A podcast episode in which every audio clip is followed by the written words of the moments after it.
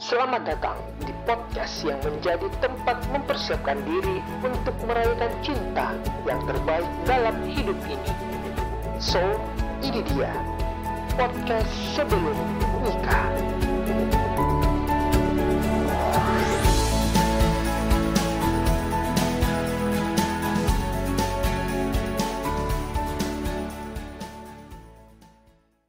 Assalamualaikum warahmatullahi wabarakatuh. Hai semuanya, perkenalkan, gue Ais.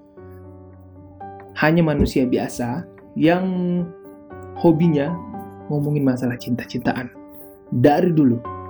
Ya, gak gue doang sih pasti. Kalian-kalian juga pasti suka ngomongin masalah cinta. Siapa sih yang gak suka kan? Nah, gimana nih sama WFH kalian, work from home? menyenangkan atau menyedihkan, bosan? Ya, yang pasti sih ya. Yang sangat menyenangkan itu WFH kali ini itu bagi mereka-mereka yang baru aja menikah. Sebelum virus ini mewabah di Indonesia. Kenapa tuh? Karena WFH-nya mereka punya banyak opsi untuk menghilangkan kebosanan ini. Banyak yang dari kita ngeluh, bosan, gak tahu mau ngapain lagi. Nah, kalau mereka, mereka bisa ngobrol sana sini dengan ngobrol apa aja dengan suami atau istri barunya, ya yang baru nikah maksudnya ya. Bisa masak-masak resep dari TikTok bareng. kalau misalkan resepnya menggagal ada yang nyemangatin ya kalau kita bayangkan sih enak banget gitu ya bisa lebih dalam lagi mengenal pasangan kita satu sama lain. Ya oke. Okay. tapi nggak apa-apa lah. Semoga semoga wabah ini bisa segera berlalu dan kita bisa memulai aktivitas kita kembali normal seperti biasanya. Dan yang pasti pasti kalian udah kangen kan pada mau jalan bareng bareng pasangan suami atau istri bareng pacar kalian gebetan atau bahkan selingkuhan mungkin yang baru kalian baru deket gara-gara corona ini. Pasti ada lah satu dua ada lah. Nggak mungkin nggak. Percaya. Oke. Emang sih nggak bisa kita pungkiri kalau yang namanya merayakan cinta itu mutlak dimiliki dan dirasakan semua orang.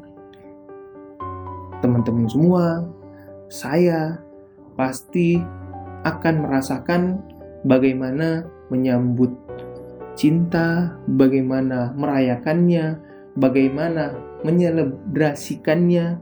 Selebrasi sama merayakan sama ya. Ya udahlah namanya juga podcast baru. Nah, ambil contoh.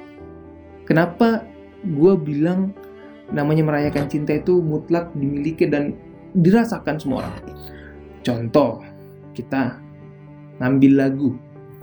Lagu-lagu yang hits, trending, viral itu atau atau yang bukan hanya viral tapi yang juga disukai oleh banyak orang itu pas itu bisa kalau gue bisa kata gue bisa bilang 95% itu ya temanya seputar cinta. Ada juga lagu yang cintanya itu bahagia ada juga yang cintanya kandas atau juga ada juga yang awalnya bahagia dan menjadi duka. Yaitu kan hanya tema tema galau, tema baru baru berpacaran, baru menikah itu sangat-sangat laku di industri musik. Itu dari musik, belum dari film. Dari film berapa banyak film-film yang dan buka uh, berapa banyak film yang mau dia action, adventurer, pasti ada sisip disisipkan menjadi bumbu yang paling dahsyat itu cinta antar pemain itu mau mau action sehebat apa pun pasti ada bumbu-bumbu mengenai itu. kan kalian pasti sering dengar tuh anekdot-anekdot anak-anak sekarang.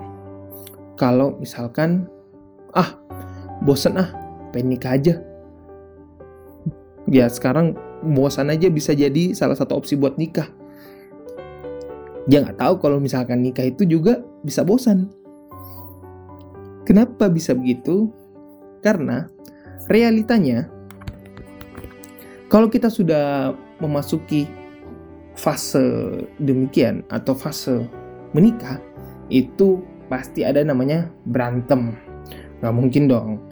Nggak mungkin di pernik uh, sebuah pernikahan itu mulus mulus saja. Ya kalau misalkan kalian masih nggak percaya ya lihatlah orang tua kalian atau teman-teman kalian atau di link di circle kalian circle yang paling dekat pasti mereka pernah berantem satu dua kali bisa lah. Dan nggak nggak sedikit yang berantemnya itu langsung berantem dahsyat. Langsung buh bisa bisa jadi berujung perceraian atau rujuk kembali santai kembali. Dan kemudian bosen. Nah ini ini yang paling sering uh, menjadi opsi buat perselingkuhan. Opsi buat selingkuh itu banyak. Tapi karena bosen juga tidak sedikit orang melakukan itu.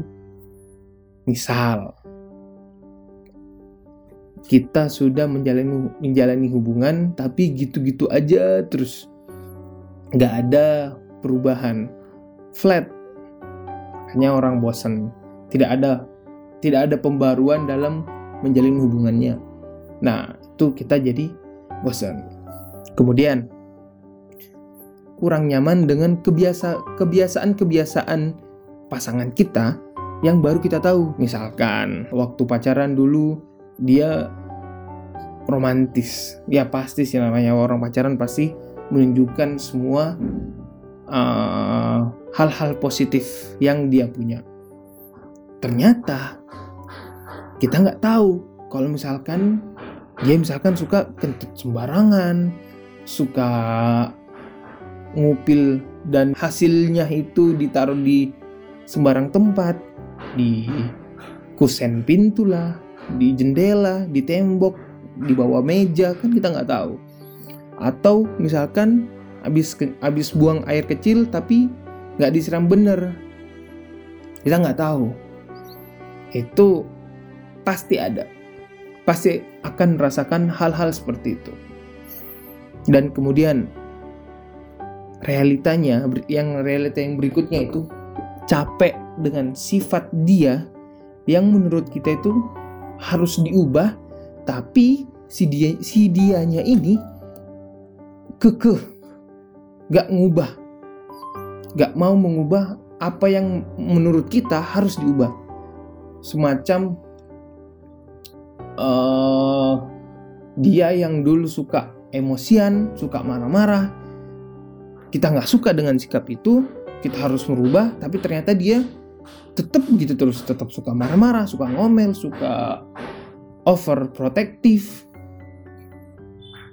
Ya kita capek dengan sikap dia gitu. Itu bisa jadi itu realita-realita yang juga ada di dalam pernikahan. Nah teman masih banyak lagi nih. Masih banyak lagi realita-realita yang ya sebenarnya saya belum bisa sebutkan. Saya tidak bisa sebutkan lagi karena saya juga belum ikut di dalamnya. Ini hanya hanya melihat ini yang tadi saya sebutkan, yang tadi gue sebutkan sebutin itu itu hanya hasil observasi apa yang saya lihat, apa yang gue lihat, apa yang uh, diceritakan oleh orang lain dan juga di media di media-media sosial yang orang-orang ceritakan gimana yaitu saya cuma melihat dari situ. Nah, gue mau nanya, kenapa sih kita mesti menikah? Apa alasannya? Kenapa pada akhirnya itu kita menuju pernikahan. Kenapa nggak pacaran aja? Toh juga sama-sama, apa bedanya? Nah, begini. Kalau bagi gua pernikahan itu merupakan sebuah selebrasi dan juga dedikasi. Selebrasi atas kemampuan diri gue sendiri untuk meyakinkan orang lain yang awalnya gue nggak tahu siapa dia dan ya sampai sekarang pun belum tahu siapa dia sih. Itu agar ke depannya bisa saling support atas goals-goals yang akan kita raih bersama nantinya. Dan juga pernikahan ini, pernikahan itu adalah sebuah dedikasi kepada Sang Pencipta yang telah menyiapkan kebahagiaan dari pernikahan itu untuk bersama dia nantinya melewati dunia ini dengan keadaan keadaan bahagia dan juga bertakwa. itu bagi gua. Karena pernikahan itu tidak hanya serta-merta adalah sebuah selebrasi orang-orang tahu tidak begitu tidak hanya bagian luar saja yang orang-orang harus ketahui, tapi juga dalam diri kita di dalamnya itu kita bagaimana kita men mendedikasikan nanti diri kita kepada dia, kepada keluarganya, kepada Tuhan juga pastinya atas semua yang akan kita lakukan. Pengorbanan, pengorbanan cinta, pengorbanan diri, pengorbanan dari sisi mental, dari sisi ekonomi, itu semua harus harus betul-betul kita dedikasikan semuanya. Dan juga pernikahan itu tidak hanya mengawinkan dua orang saja tapi kita juga harus bisa kawin bisa berintim dengan keluarga keluarga dia tentunya masa keluarga orang lain. Nah kenapa? Karena sebegitu kompleksnya sebuah pernikahan sampai-sampai banyak orang yang merasa pernikahannya itu tidak bahagia dikarenakan banyaknya intervensi dari pihak keluarga salah satu pasangan. Itu juga menjadi salah satu dasar kenapa kita harus betul-betul menyiapkan pernikahan. Nah, oke. Okay. Kak, kita kita mau lihat apa-apa apa-apa saja sih alasan-alasan orang menikah dari brightstory.com gua ngambilnya. pertama, alasan yang pertama itu karena saya tidak ingin merasakan kesepian dan sendiri.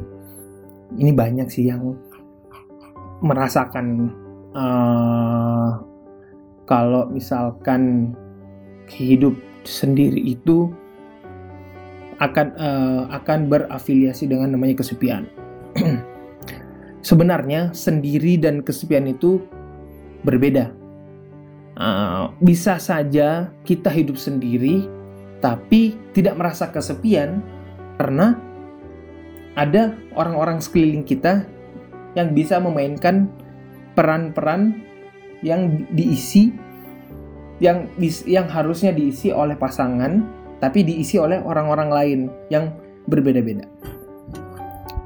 Dan juga kesepian itu bukan berarti sendiri karena sendiri ekonomi kesepian itu mau dia rame-rame, tapi kalau perasaannya itu kosong, tidak bisa match dengan lingkungan sekitar, itu juga tetap merasa kesepian.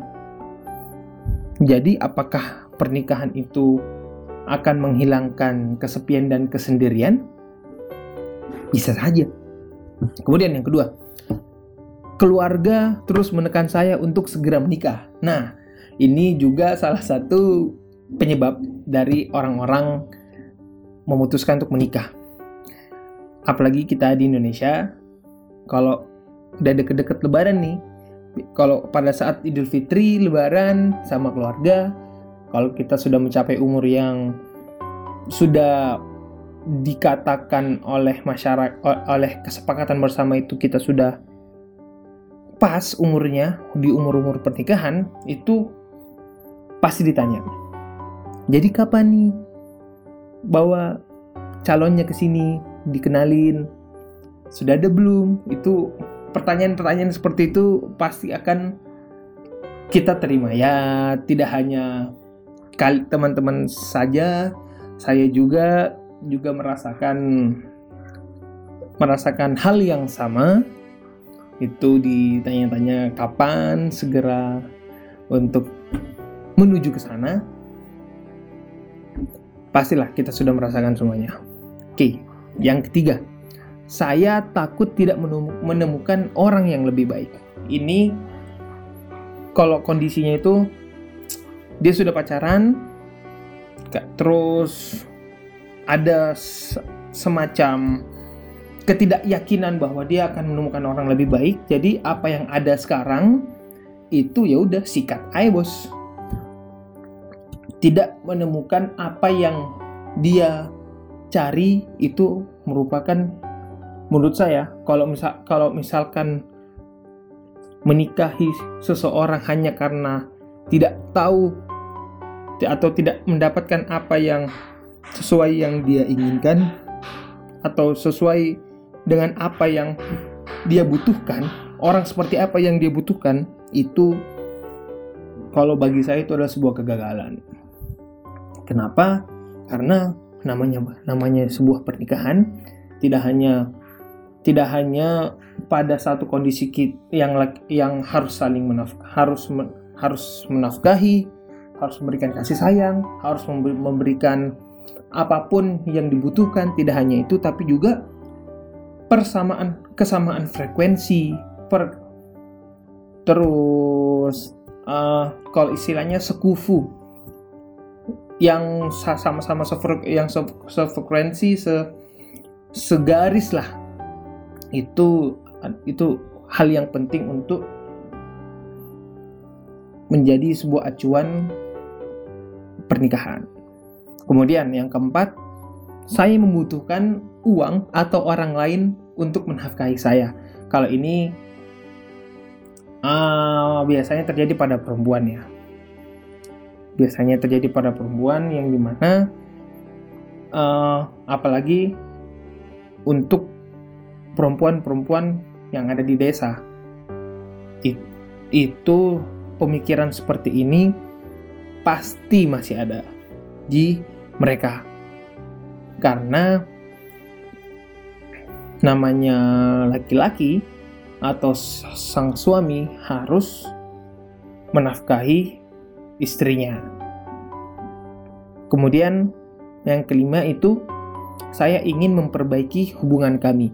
Nah, yang kelima ini menarik karena pembahasan nomor lima ini Misalnya pada saat mereka masih berpacaran, salah satu dari mereka itu misalkan sering berseling, uh, berselingkuh, terus masih sering berbohong satu sama lain.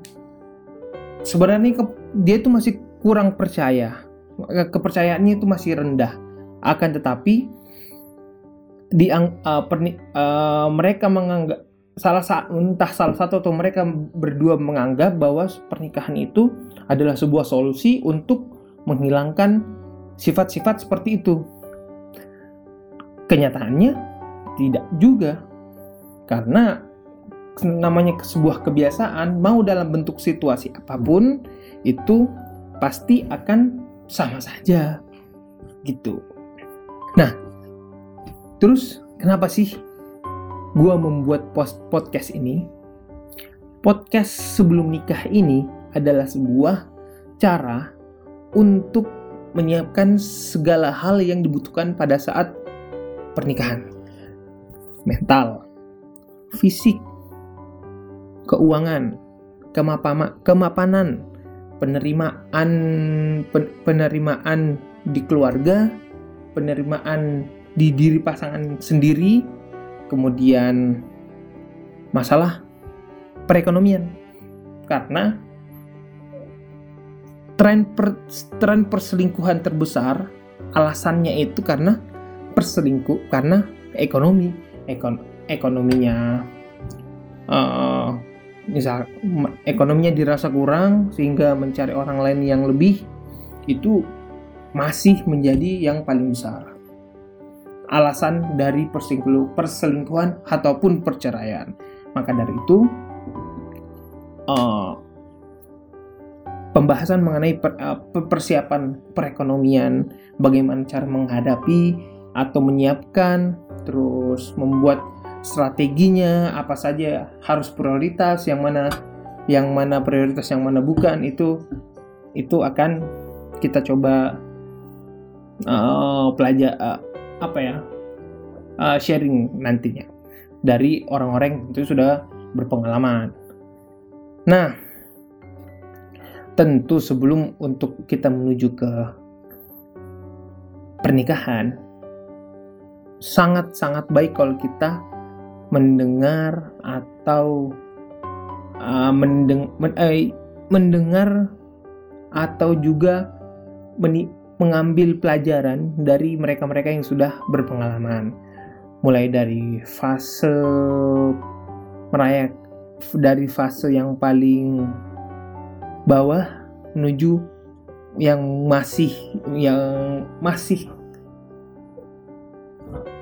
bermekaran berme, bermekaran perasaannya sampai menuju ke fase yang di mana sudah sangat bosan dengan pasangannya dan bagaimana mereka bisa survive, bagaimana mereka bisa meyak tetap meyaki meyakinkan diri dan juga pasangannya untuk bisa terus bersama sampai akhirnya salah satu dari pasangan itu harus menghadap ke Sang Pencipta. So, podcast sebelum nikah ini akan gue dedikasikan untuk diri saya sendiri dan juga tentu untuk teman-teman semua yang lagi menyiapkan diri, menyiapkan mental dan segala-segala hal itu menuju ke sana. So, terima kasih udah mau mendengarkan ini. Semoga apa yang uh, nantinya kita dapatkan bisa menjadi bahan, menjadi alasan kita untuk tetap menyiapkan pernikahan kita. Oke, okay? terima kasih. Assalamualaikum warahmatullahi wabarakatuh.